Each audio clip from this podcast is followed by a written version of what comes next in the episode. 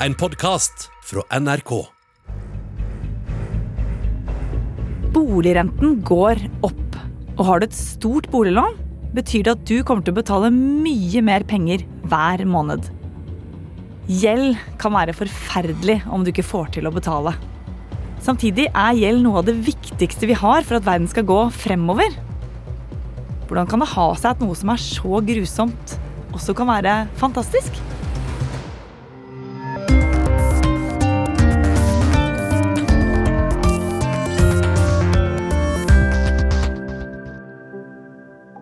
Jeg heter Cecilie Langum Becker og er økonomikommentator i NRK. I landet vårt er det over 3,2 millioner mennesker som har gjeld som til sammen skylder bankene 4100 milliarder kroner. Er du en som f.eks. ikke har klart å spare opp de 3, 4 eller 5 millionene drømmeboligen koster? Eller som ikke hadde alle pengene du trengte til å kjøpe bil? Eller som kanskje burde ha meldt deg på luksusfellen for du har altfor mye forbruksgjeld ja, da er du ikke alene. Men hva er gjeld? Hvem er det du egentlig låner penger av? Dette er det ikke så mange som kan særlig mye om, selv om det er så viktig. Derfor syns jeg at gjeld burde vært pensum. Ved Bankplassen i Oslo ligger det et stort, brunt bygg med sotede vinduer. Norges Bank er norske bankers mor, og det er der vi er nå. Men betyr det at alle pengene norske banker låner, ligger her? For bankene må jo få pengene de låner deg fra et sted.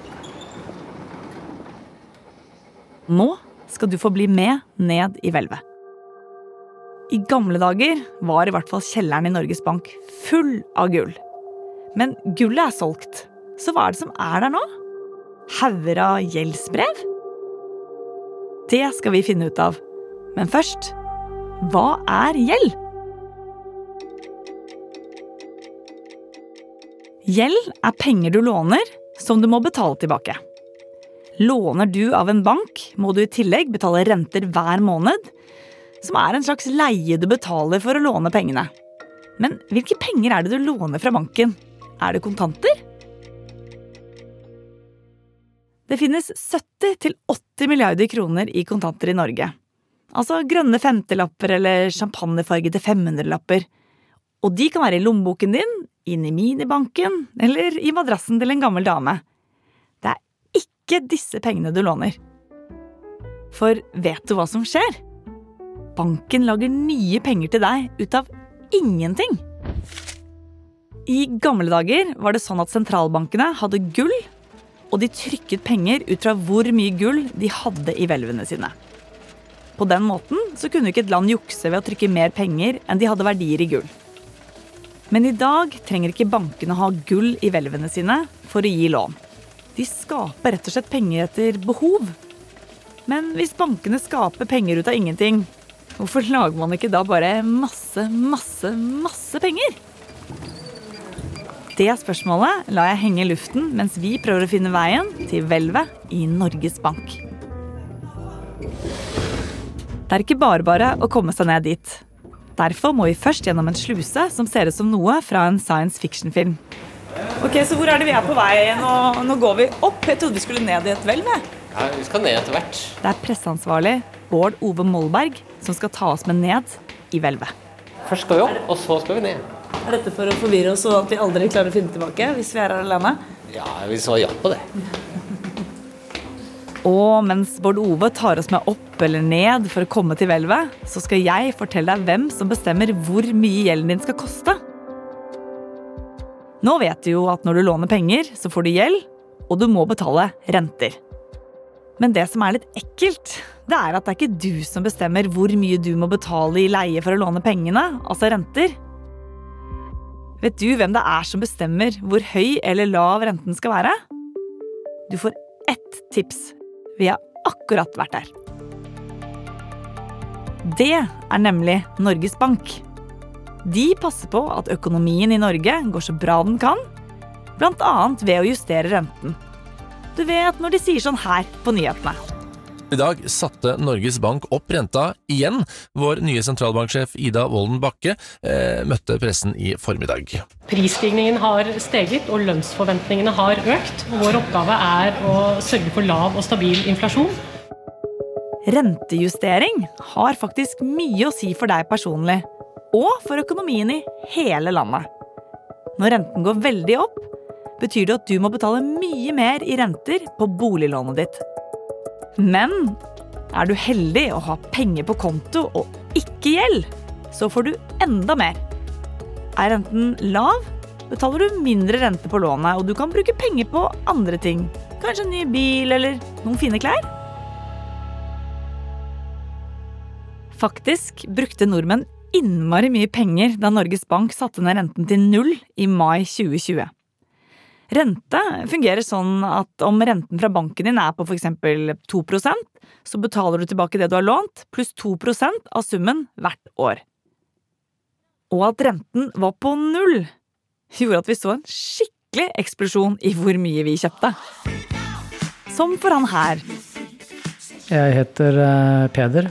Eh, jeg kjøpte både bil og klær og telt som, eh, som aldri før. Eh, men det var det fordi jeg fikk mye penger når renta ble så lav. Og det ville jeg ellers brukt på å betale renter.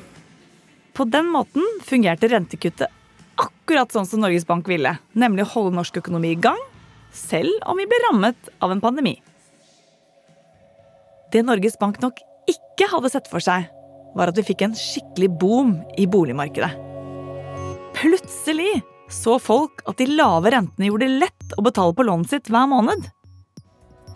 Og det var også et annet marked som eksploderte. De siste dagene så har du kunnet lest i lokalavisene at det selges altså hytter som hakka møkk. Men renten er ikke lenger på null, for Norges Bank har skrudd den opp. Det har blitt dyrere å ha lån. Som for han her, for eksempel. Jeg heter Anders. Jeg jobber som eh, økonom. Um, jeg har i dag et eh, lån nå på 4,18 millioner på, på, som boliglån. I dag er det en rente på 2,9% og det gjør jo da at jeg har ca. 140 000 kroner i, i renter i løpet av et år. Og sammen med det som skal nedbetales, så blir jo det et betydelig beløp hvert år som må sette seg. Men vet du hva de hadde i rente i 1986 og i 1987? 13,6 Om du hadde hatt et lån med 13,6% rente, ville du betalt 680 000 kroner i tillegg til de fem millionene. Høye renter har altså mye å si for din egen økonomi når du har gjeld. Nå skal jeg vise deg hva som er farlig med gjeld. Det kan jo være veldig ubehagelig å ikke ha noe kontroll over hvor høy renten blir, og derfor ikke kunne bestemme hva du skal betale hver måned. Men noen ganger så skaper gjeld kriser. Skikkelige kriser. I sted lot jeg et spørsmål henge i luften, nemlig om hvorfor ikke bankene bare lager masse, masse penger om de kan. Det er det flere grunner til. Og den farligste grunnen er denne prakker man på folk en hel masse lån som de egentlig ikke trenger, så øker også sannsynligheten for at de ikke klarer å betale tilbake.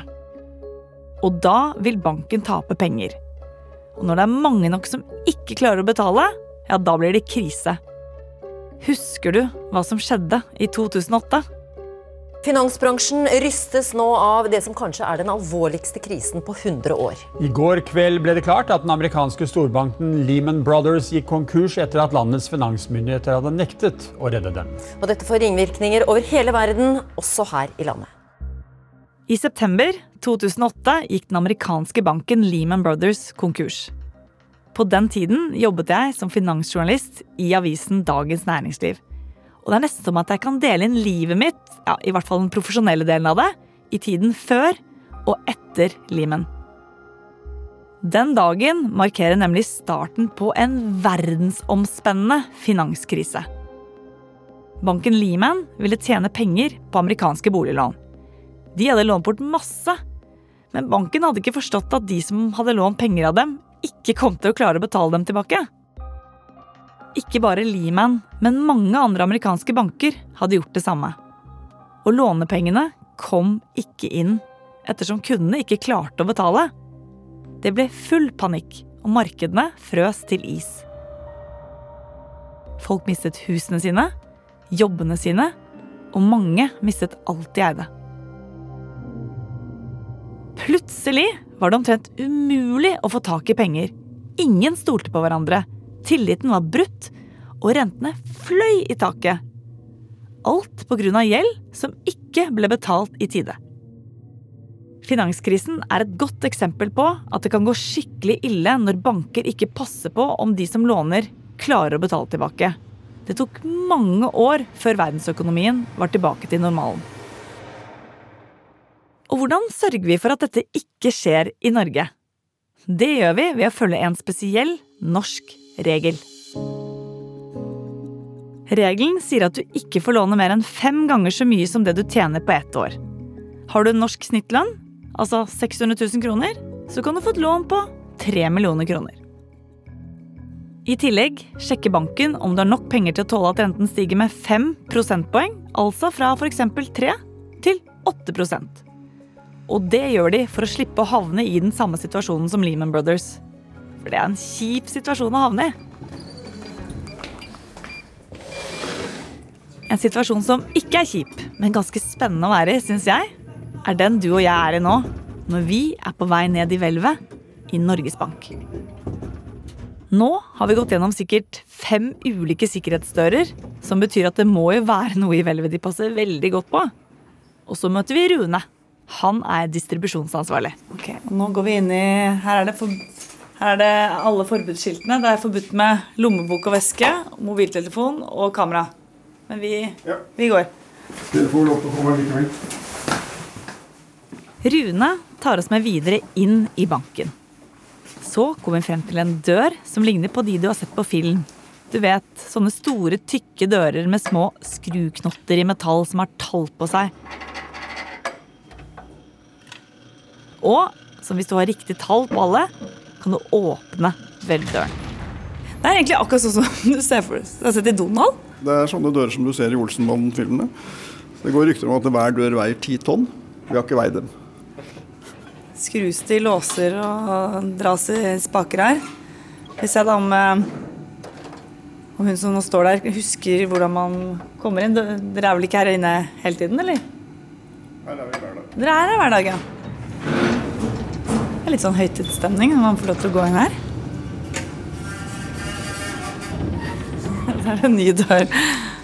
Dette, det skal vel være vanskelig å komme inn her. Det er vel det som er eh, litt av poenget, vil jeg tro. Og mens vi venter på å komme gjennom de neste dørene, så skal jeg fortelle deg at gjeld ikke bare skaper forferdelige kriser. For i noen religioner og kulturer så er det faktisk forbudt. I Koranen står det at renter er haram, som betyr forbudt eller ulovlig. Det er først og fremst den som tjener penger på andre, altså den som låner ut penger med renter, som gjør noe ulovlig, ifølge Koranen. Tanken er at en som trenger å låne penger, er i en nødsituasjon, siden personen ikke har nok til å klare seg. Det er altså umoralsk å tjene penger på at andre er i nød. Også Bibelen er kritisk til renter, særlig om lånet er til fattige mennesker. Og det kan jo fort bli et problem i samfunnet vårt, hvor det er nesten umulig å kjøpe seg et sted å bo uten å ta opp lån. Det er også veldig vanskelig å ta seg en lang utdanning uten å ta opp studielån, og derfor få gjeld med renter. Hittil har vi snakket om privatpersoner, som deg og meg, som låner penger med renter. Bedrifter kan ta opp lån. Og i tillegg er det noen andre som også kan trenge å låne penger innimellom. For hva gjør et land om de ikke har nok penger? Kan de ta opp lån? Svaret er ja, og det kaller vi statsgjeld.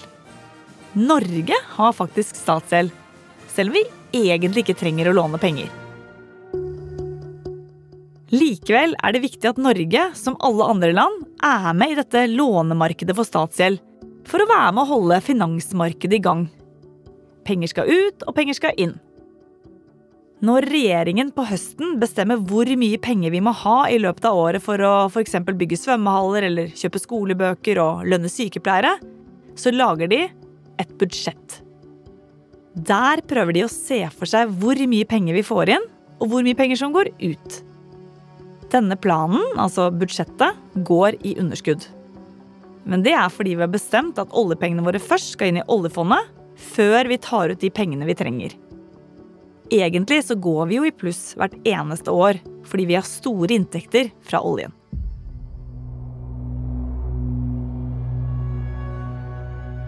Før koronapandemien så man at det var mange land i verden med mye statsgjeld. Men pandemien førte til at landet trengte å låne enda mer penger. De måtte betale legene og sykepleierne som jobbet døgnet rundt under pandemien, og de måtte ha råd til å betale for f.eks. nye sykehus. Samtidig mistet de fleste land mye av skatteinntektene fordi folk mistet jobbene sine og brukte mindre penger. Når mange land har lånt så mye penger som nå, så har gjeldsnivåene i verden blitt høyere enn noensinne. Nå er det nesten like mye statsgjeld som det er verdiskapning i verdensøkonomien i løpet av ett år. Og hvem er det som låner penger til land? Det er jo ikke den banken du går til når du trenger å låne penger til å pusse opp badet. Har du hørt om Verdensbanken og om IMF? IMF står for International Monetary Fund. Og de er noen av aktørene som låner ut penger til land. Både Verdensbanken og IMF ble grunnlagt i 1945 og skulle være med å bygge opp igjen den internasjonale økonomien etter andre verdenskrig.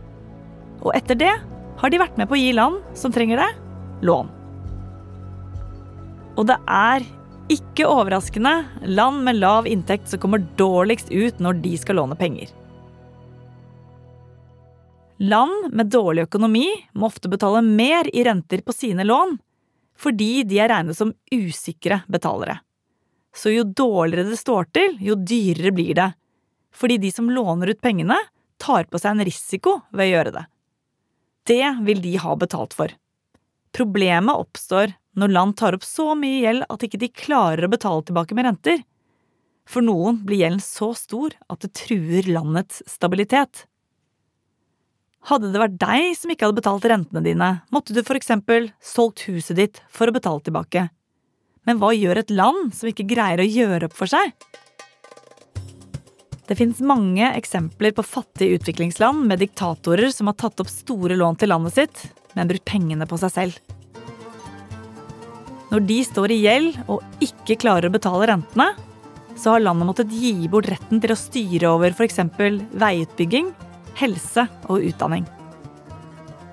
Da har Verdensbanken og IMF bestemt at landet f.eks.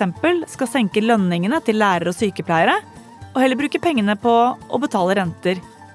Som igjen har gjort at mange lærere og sykepleiere har forlatt landet for å jobbe et annet sted.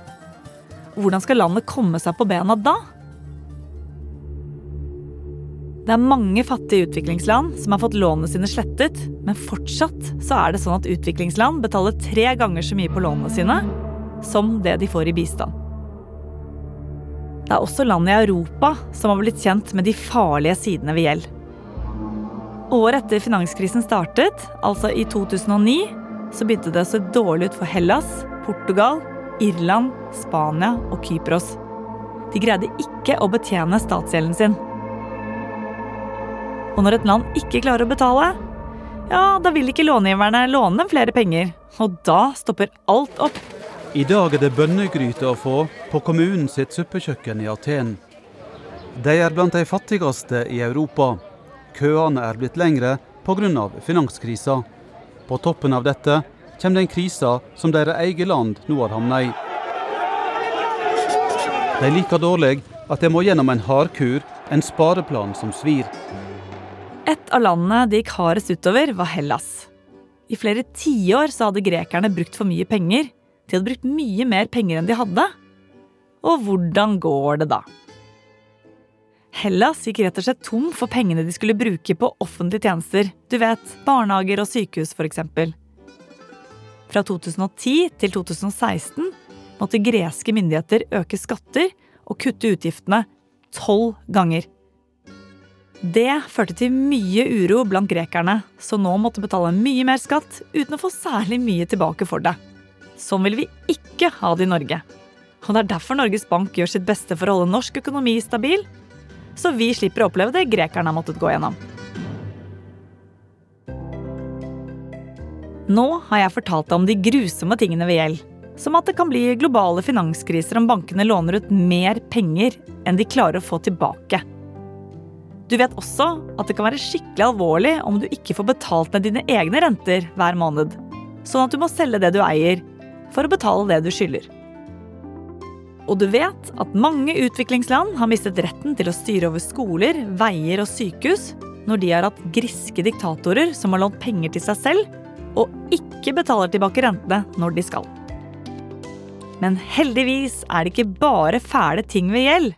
Gjeld er også fantastisk. Gjeld er det som gjør at ting skjer i verden. Ved å ta opp lån kan vi starte opp bedrifter som skaper jobber til andre. Vi kan ta utdannelser som gir oss jobber som er nyttige for samfunnet. Og vi kan kjøpe oss steder å bo. Når land låner penger, så kan de få råd til å utvikle f.eks. For fornybare energiformer, som gjør at landet på sikt kan tjene penger og skape renere energi i verden.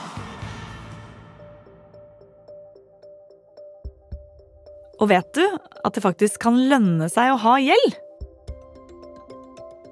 Du får nemlig fradrag på skatten på de rentene du betaler. Altså, du betaler mindre skatt om du har gjeld, enn om du ikke har det. For hver tusenlapp du betaler i renter, så får du 220 kroner mindre å betale i skatt. Og det er jo fordi politikerne våre ikke vil skremme deg fra å låne penger, men heller oppfordre til det, sånn at eh, det bidrar til å holde økonomien i gang. Så gjeld er både viktig og bra. Det gjelder bare at banken ikke låner ut for mye, og at du som låner ikke låner mer enn du klarer å betale tilbake. Og apropos bank. Nå er det på tide å finne ut hva Norges Bank har nede i hvelvet sitt. Er det gjeldsbrev? Se her, ja. Oi. Ok, hvor, Her ligger det da altså bunker på bunker med sedler. Ja, vet hvor, kan du si noen ting om hvor mye penger det er her nede? Jeg kan si noe mye som er i en sånn liten eske. Ja. Og det er eh, 10 000 eh, tusenlapper. Så da har vi 10 millioner kroner i en eske. I en eske? I den esken der? Det er jo akkurat det jeg trenger. Ok, og det er altså, bare for å beskrive, det er en bitte, bitte liten del av alle pengene som er her. Det er altså en eh, Ser ut som en eske med, med, med sånn A4-kopiark. Oppi der så er det da 10 millioner kroner. Det er 40 esker på en sånn palle, da. Ja. Og vi teller gjerne bare hele paller. Nemlig. Så kjelleren på Norges Bank er ikke lenger fylt opp av gull som den var i gamle dager, men av kontanter som andre banker kan kjøpe fra Norges Bank for å ha i f.eks. minibankene sine. Ikke for å låne ut. For du vet jo nå at lånepenger, det skaper banken din ut av ingenting. Alle kontantene i Norges Bank skal være sikkerheten vår om det oppstår en krise. Sånn at du skal kunne ta ut kontopengene dine i kontanter hvis systemet rakner. Vi så for eksempel at mange i Ukraina tok ut pengene sine da Russland invaderte dem, fordi de var usikre på om systemet kom til å fungere i krig. Men det er litt gull igjen i banken. I gullbarer. Og de som jobber der, sier at om jeg klarer å løfte én gullbar med én hånd, så skal jeg få den. Det må jeg prøve. Men gullbaren ligger på et litt rart sted. Her er det et skap det står gavelager på. Jeg skal hente den fra Ja, Det må ikke, må ikke misforstå begrepet. Den må inn i gammelageret.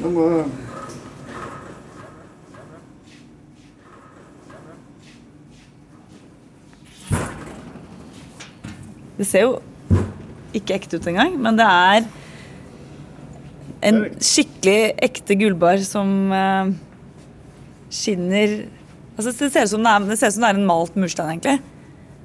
Og den veier hvor mye? 12,7 kilo. Ok, Så det er ingen sak for meg som, er, eh, som trener? Nei, bare ta den og løft. Da skal jeg prøve å løfte den opp med én hånd.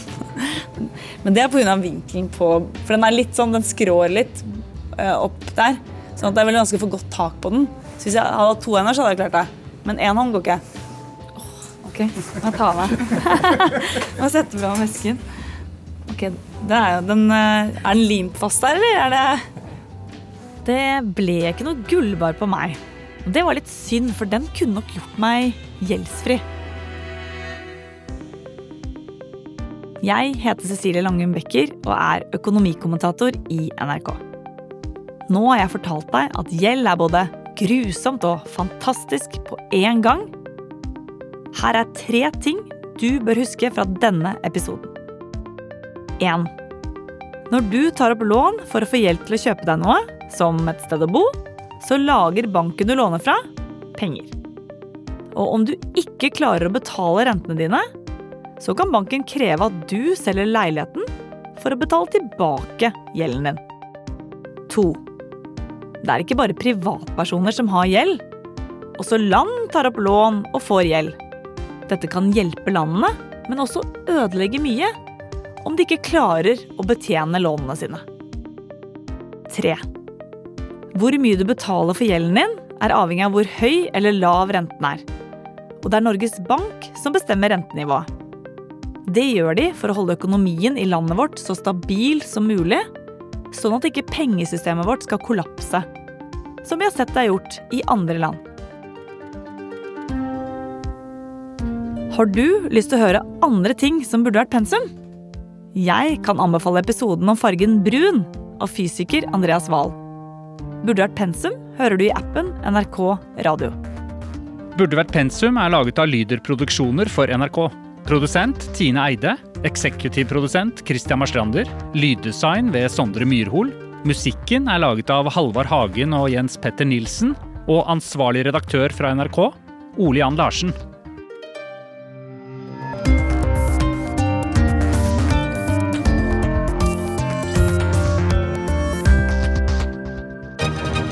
En podkast fra NRK. Dette er jo en podkast med meg, Lars Berrum, og deg, Martin Beyer-Olsen. Ja, det stemmer. Der jeg prater egentlig veldig mye, og Ja, så det Stemmer det. Jeg har ikke hørt deg så mye i det siste. Nei, men nå er jeg oppe og nikker igjen. For Ja. jeg har fått noe Hva har du å si, da? Nei, jeg tenker at uh, de filosofiske, endevendende, store tankene Og det mer banale.